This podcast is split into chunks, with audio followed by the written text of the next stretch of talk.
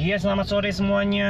Terima kasih buat sobat-sobat hoppers yang masih stay tune. Terima kasih dan saya pertama-tama mengucapkan permohonan maaf untuk tiga uh, episode yang terakhir yang ternyata ada gangguan ya. Saya nggak ngetes. Ternyata saya pakai uh, headset yang yang yang lama ya. Headset saya memang ada beberapa tapi saya kemarin pakai headset yang dari kantor. Headset putih ini ternyata memang bukan hanya cacat di bagian uh, pendengarannya ya. Maksudnya dia cuma nyala satu gitu sebelah kiri. Sorry. Tapi ternyata juga cacat di dalam mic micnya ya. Jadi ternyata saya tidak sadar bahwa teman-teman yang sudah mencoba untuk mendengarkannya tidak bisa mendengarkan dengan baik. Dan I'm really, really sorry about it gitu ya. Saya jadi rekam lagi dengan topik dan tema yang sama dan saya berusaha untuk mengulang uh, topik yang yang yang saya sudah bicarakan. Nah anyway kita bicara tentang masalah uh, eh, MBA ya. MBA ini adalah lanjutan VOH atau Voice of Hope yang sebelumnya ya tentang uh, pregnancy gitu ya jadi pregnant Nah, kadang-kadang ada orang kan e, merasa bahwa pregnancy itu ada sebuah hal yang ditunggu-tunggu, sebuah hal yang menjadi sukacita, ya, buat pasangan-pasangan yang sudah menikah. Nah, tetapi kejadiannya kalau terjadi sama pasangan-pasangan yang belum menikah, ya mungkin mereka masih in relationship, tetapi mereka sudah kadung misalnya si girlsnya sudah keburu hamil, bagaimana? Nah, ini yang menjadi persoalan. Nah, ke saudara bisa lebih detailnya lagi mendengarkan di episode-episode sebelumnya.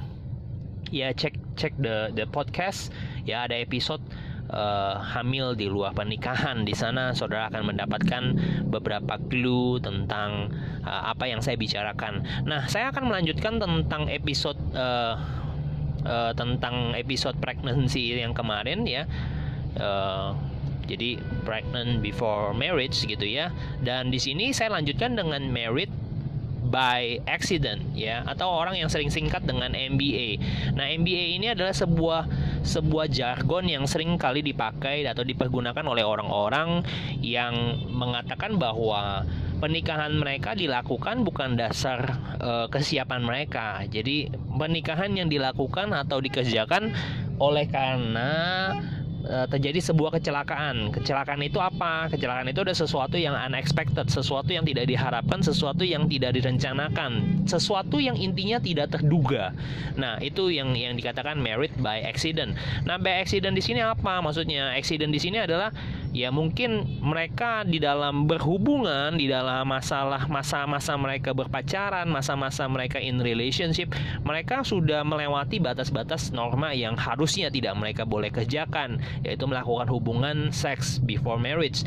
Ya kejadiannya kalau sudah seks before marriage dan terjadi yang namanya kasus pregnancy ini yang menjadi uh, sumber yang istilahnya mereka mengatakan bahwa tidak ada jalan lain selain merit ya saya hanya mengatakan bahwa merit by accident itu bukan bukannya sebuah hal yang saya dukung ya.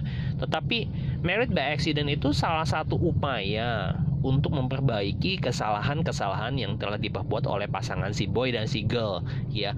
Apa pun yang menjadi masalahmu ya saya pikir uh, yang seperti saya ngomong di di di episode yang sebelumnya setidaknya merit by accident itu juga uh, pernikahan ini pun juga akan menyelamatkan nasib si anak gitu ya. Nasib si anak dan si, si calon anak dan juga si uh, si girl gitu ya.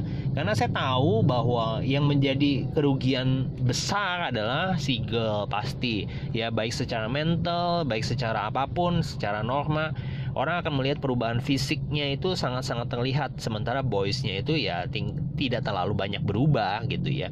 Jadi saya melihat bahwa uh, hal ini menjadi sebuah ya one of uh, the way out yang memang tak pikirkan. Nah, saya membagikan di episode ini podcast ini ya sebenarnya uh, it's another voice of hope series gitu ya tentang uh, married by accident. Mungkin beberapa teman-teman mungkin ada rekannya yang yang terkena kasus serupa mereka diperhadapkan kepada sebuah pilihan yang akhirnya harus mereka ambil yaitu merit ya atau marriage gitu ya pernikahan. Nah, bagaimana dengan uh, orang percaya? Bagaimana kalau kehidupan mereka yang sudah telanjur hamil di luar pernikahan gitu ya? Apakah mereka bisa dinikahkan? Jawabnya saya katakan bisa dan harus bisa ya. Tapi bagaimana kak mengenai pernikahannya gitu? Ya jadi saya coba menjabarkan aja apa yang menjadi pengalaman dan apa yang sepengetahuan saya. Saya berharap semua teman-teman di sini bisa mencerna dengan baik. Kalau ada teman-teman yang mungkin lebih uh, lebih berpengalaman dari saya mungkin dari segi-segi atau aspek-aspek hukum ataupun teologi saya minta mungkin uh, masukan juga dari teman-teman uh, mungkin apa yang saya yang saya perbincangkan di sini mungkin ada yang salah atau ada yang kurang silahkan nanti boleh ditambahkan boleh lewat Japri ya uh, lewat IG atau Twitter. Nah, anyway, saya mau membahas tentang masalah yang tadi ya, apa yang harus dikerjakan. Yang pertama, saya mau katakan bahwa yang paling pertama kali kalau saudara sudah memutuskan untuk pernikahan, maka saya mau mengatakan pernikahan itu sesungguhnya tidak ada merit by accident ya. Tapi kalau saudara memakai istilah itu pun saya pikir toh tidak mengubah sebuah uh, hal yang harus saudara laluin ya. Yaitu beberapa hal yang saya mau bagikan pada hari ini. Yang pertama adalah yang saya uh, saya pikir adalah uh, saudara perlu untuk find out the local church and your local pastor ya. Saudara perlu menemukan uh, gereja lokal saudara dan saudara perlu berkonsultasi dan bertemu dengan gembala setempat. Kenapa saya berkata seperti itu? Karena uh, secara hukum uh, hukum di Indonesia semua pernikahan itu harus diketahui ya atau melalui sebuah proses yang namanya pernikahan agama ya. Jadi tidak bisa serta merta langsung ke kantor catatan sipil tanpa ada yang namanya pengesahan lewat agama. Ya baik itu kalau orang Muslim berarti mereka ke uh, eh, KUA ya gitu ya. Jadi seperti itu. Jadi istilahnya seperti itu. Dan di orang Kristen ya adalah di gereja. Ya tentunya saudara pasti akan berpikir uh, ke mana saya harus pergi. Ya find a local church. Um, saran saya adalah mungkin saudara punya teman atau saudara punya keluarga. Yang lebih baik sih keluarga keluarga. Misalnya papa dan mama saudara punya uh, gereja lokal, silakan saudara berhubungan dengan gereja lokal tersebut. Find out more um, uh, the pastor ya untuk schedule-nya ya uh, untuk dibuatkan schedule um, counseling tentunya dan bertanya gitu loh apa yang harus dipersiapkan. Jadi saya pikir itu adalah salah satu hal yang harus dikerjakan sesegera mungkin ya Uh, saya tahu uh, semua tidak semua local church bisa menerima hal-hal seperti ini, tetapi dengan konteks uh, orang yang yang saya boleh katakan terlanjur, ya saya cuma punya punya pemikiran seperti ini. Kalau tidak dinikahkan pun jadi bagaimana? Ya, case-nya kan juga berpikir dari ke ke ke apa? masalah di kemudian hari gitu ya. Ya mungkin memang uh, tidak semua local church yang yang mau menikahkan uh, yang bukan jemaatnya yang pertama. Yang kedua yang tidak diketahui asal usulnya dengan jelas gitu. Jadi maka akan lebih baik kalau saudara punya uh, kenalan kolega keluarga yang memang punya local church. Dan itu bisa dikonsultasikan terlebih dahulu dengan gembalanya. Apakah mereka mau menerima uh, prosesi peneguhan gitu ya? Melakukan pemimpin ya prosesi pernikahan orang yang sudah terlanjur uh, hamil. Jadi saya pikir itu yang perlu di find out dulu sih ya. Untuk solusi yang pertama ini find a local church find the pastor ya. Kalau bisa konseling cerita apa yang telah terjadi dan apa yang saudara uh, mau gitu ya perbaikin di kemudian hari. Itu yang pertama. Yang kedua selain uh, tentang church uh, saya berpikir saudara harus mengurus yang namanya kepengurusan dengan aparatur sipil ya. Saya ngerti banget bahwa saudara mungkin adalah sebuah hal yang baru ya untuk melakukan pernikahan. Ya karena saya tahu juga tidak ada sekolah pernikahan sih untuk mempersiapkan segala sesuatunya. Ya biasanya mereka based on ya uh, their parents experience ya their elders experience pengalaman-pengalaman yang orang yang lebih tua yang lebih senior yang sudah melakukan pernikahan mereka biasanya membagikan tips mereka membagikan hal-hal yang perlu mereka kerjakan. Nah kalau buat teman-teman yang juga stres mungkin nggak tahu apa yang harus saudara kerjakan ya makanya saya membuat sebuah podcast ini untuk salah satunya juga memfasilitasi supaya saudara minimal sedikitnya sedikit banyak tahu tentang apa yang harus saudara kerjakan. Yang kedua ini adalah saudara perlu uh, mengurus segala surat yang berkaitan dengan aparatur sipil ya persiapan lah ya. Ini kita ngomong persiapan. Ya persiapannya apa? Persiapannya adalah saudara harus minta form ya dan isian N1 N2 N3 N4 di kelurahan dan di RT ya saudara bisa bertemu dengan RT dulu sih. Nah nanti di situ akan direferensikan form-form apa yang saudara selengkapin form-form apa yang uh, saudara harus uh, kembalikan ke mereka. Karena kenapa? Itu adalah bagian penting pencatatan nanti untuk kepengurusan pencatatan uh, dinas kependudukan kependudukan dan catatan sipil ya. Karena setiap orang yang menikah nantinya akan dibuatkan kakak sendiri. Kakak itu apa? Kakak itu adalah kartu keluarga ya. Kartu keluarga di mana saudara nantinya sebelumnya saya percaya orang yang belum nikah itu masih mempunyai kakak yang gabungan kakak yang numpang numpang dengan kakak dari uh, kartu keluarga dari orang tuanya. Misalnya saya dulu misalnya saya di dari keluarga uh, Aidin Syamsuddin contoh ini contoh. Tapi ketika saya menikah saya nanti akan mempunyai kakak sendiri kakak atau kartu keluarga saya sendiri di mana saya sebagai kepala keluarga bukan lagi sebagai anak bukan lagi sebagai orang yang yang di bawah daripada kepala keluarga Nah, saya berharap saudara bisa uh, nangkep sampai sini ya. N1, N2, N3, N4 itu adalah formulir yang disediakan oleh RT ya nanti pengurusannya itu untuk mengurus uh, ke, ke, ke, ke dinas kependudukan dan catatan sipil dan juga untuk menerbitkan KK dan KTP saudara yang baru. Jadi uh, saudara perlu mengurus itu semua. Ya, yang kedua nanti kalau saudara sudah sudah mengurus masalah gereja, saudara sudah tahu tanggal peneguhan nikah saudara, yang lainnya saudara juga sudah mempersiapkan semua form-form yang diperlukan N1 sampai N4 eh, dan segala administrasi-administrasi yang diminta gereja. Karena kenapa? Nanti pada saat uh, saudara diteguhkan di gereja saudara akan menerima akte pernikahan dari gereja. Nah, akte pernikahan dari gereja itulah yang menjadi dasar saudara bisa membuat uh, di kantor pencatatan sipil gitu ya kantor pendudukan dan catatan sipil bahwa saudara statusnya sudah berubah bukan lagi uh, lajang bukan lagi single tetapi saudara sudah married atau menikah gitu. Jadi kira-kira seperti itu. Kak ribet. Ya memang namanya membina atau membangun sebuah rumah tangga itu agak sedikit perlu sebuah usaha. Saya nggak bilang susah-susah amat tapi perlu sebuah usaha. Ya kalau mau sederhana ya namanya rumah makan ya rumah makan sederhana gitu. Nggak ada rumah tangga sederhana yang ada rumah makan sederhana. Jadi saudara-saudara jangan komplain kalau dengar podcast ini dimaklumin hal-hal yang harus disiapkan dan ya lakukan dengan sukacita. Ya lakukan dengan ucapan syukur. Walaupun meskipun ada masalah pusing gitu ya nggak siap dan lain sebagainya. Tapi toh ketika kita memang punya sebuah komitmen sebuah kerinduan bahwa kita ingin memperbaiki kesalahan yang kita perbuat saya percaya kok Tuhan pasti buka jalan Tuhan pasti takut campur tangan. Itu yang kedua. Jadi yang pertama find a local church find local, uh, the local pastor to consult ya to have a counseling meeting gitu ya untuk mendesain kapan waktunya saudara bisa diteguhkan atau tidak ya.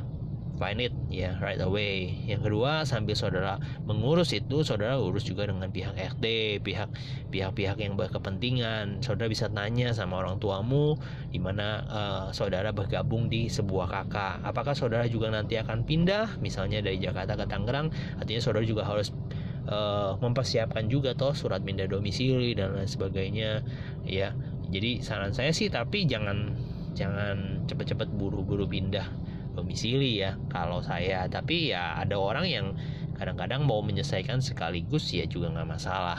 Tetapi yang terpenting adalah form N1 sampai N4 itu di uh, ditanyakan dan dikomplitkan. Dan yang ketiga, setelah saudara sudah nanti berhasil diteguhkan, saudara sudah punya form N1, N2, N3, N4, maka langkah selanjutnya adalah saudara mengurus ke kantor kependudukan dan catatan sipil. Nah, hal ini penting ya. Jadi uh, kantor kependudukan dan catatan sipil ini adalah yang lembaga yang akan men mendata data saudara dan saudara itu uh, memiliki nanti uh, proses yang namanya KK, KTP aktif ya, semua nanti lewat kantor kependudukan catatan sipil. Nah, biasanya juga ada beberapa gereja yang punya kerjasama atau link dengan kantor uh, catatan sipil. Nah, kalau saudara punya uh, kantor catatan sipil, contohnya kayak dia di Jakarta Barat, Jakarta Barat itu di Jalan Esparman kalau nggak salah di Grogol Sleepy sana gitu ya. Jadi saudara bisa datang sendiri ya lebih tepatnya kalau nggak salah sebelum kalau belum pindah itu dulu saya di kantor catatan sipilnya itu di dekat sebelahnya kampus Untar dekat-dekat situ deretannya ya tapi kalau itu belum pindah saya nggak tahu sekarang udah pindah atau tidak ya mungkin teman-teman bisa update uh, saya punya pembicaraan. Nah, kalau misalnya uh, saudara mau ngurus sendiri, ingat saudara perlu melampirkan yang namanya akte pernikahan dari gereja. Saudara perlu juga melengkapi dengan form N1 saudara sampai N4, kemudian KTP dan lain sebagainya. Itu ada ada persyaratannya. Ya, saudara bisa juga tanya sama gereja. Biasanya gereja yang yang sudah terbiasa dengan hal itu, mereka biasanya mau membantu saudara untuk melengkapi. Nah, kalau misalnya seandainya ada gereja yang cukup lumayan punya linkage ya saudara juga bisa tanya apakah gereja menyediakan jasa memanggil orang atau petugas daripada catatan sipil untuk bisa hadir di gereja pada saat langsung setelah e, peneguhan nikah? Dan biasanya itu ada prosesi yang namanya e, pencatatan dengan e, saksi daripada catatan sipil gitu. Biasanya langsung setelah acara pemberkatan atau peneguhan biasanya langsung dilanjutkan dengan acara uh, catatan sipil gitu ya. Ada orangnya datang.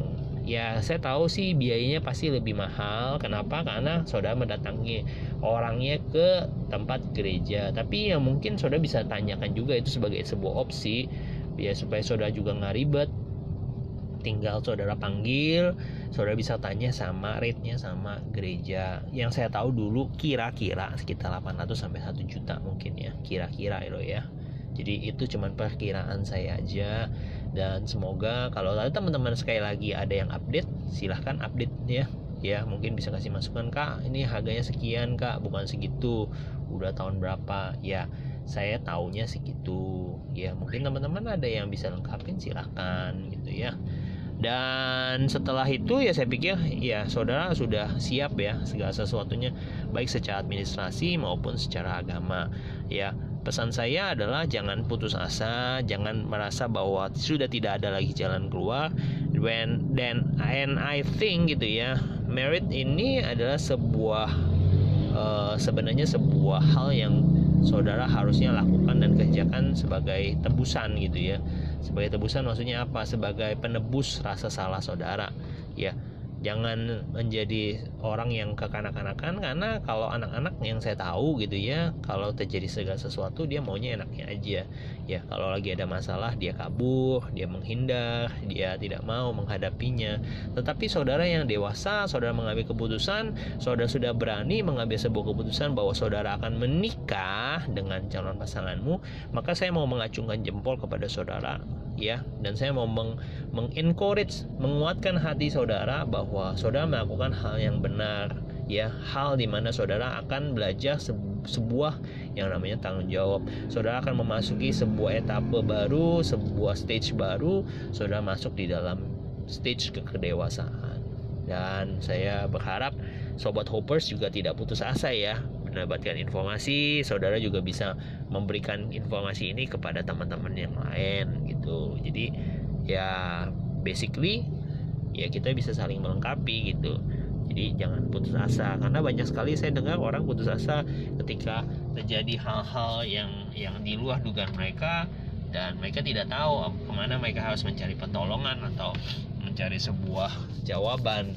Nah, saya berharap uh, lahirnya podcast ini ya walaupun mungkin ada sedikit uh, berbau-bau kontroversi saya berdoa supaya kita semua tetap belajar tentang segala sesuatu yang ada dan terjadi ya. Saya percaya bahwa Allah pun turut bekerja di dalam segala hal yang kita lalui. Tetap untuk mendatangkan kebaikan bagi engkau dan saya yang mengasihi dia. Nah jadi puji Tuhan. Ya itu tiga hal tiga yang saudara bisa kerjakan. Saya pikir itu sedikit mudah ya walaupun mungkin repot tapi mudah. Kenapa? Karena itu achievable saudara bisa kerjakan. Dan um, may God bless you all ya. Stay hopeful ya. Don't give up ya. Dan be positive. Be you. God bless. Haleluya. Amin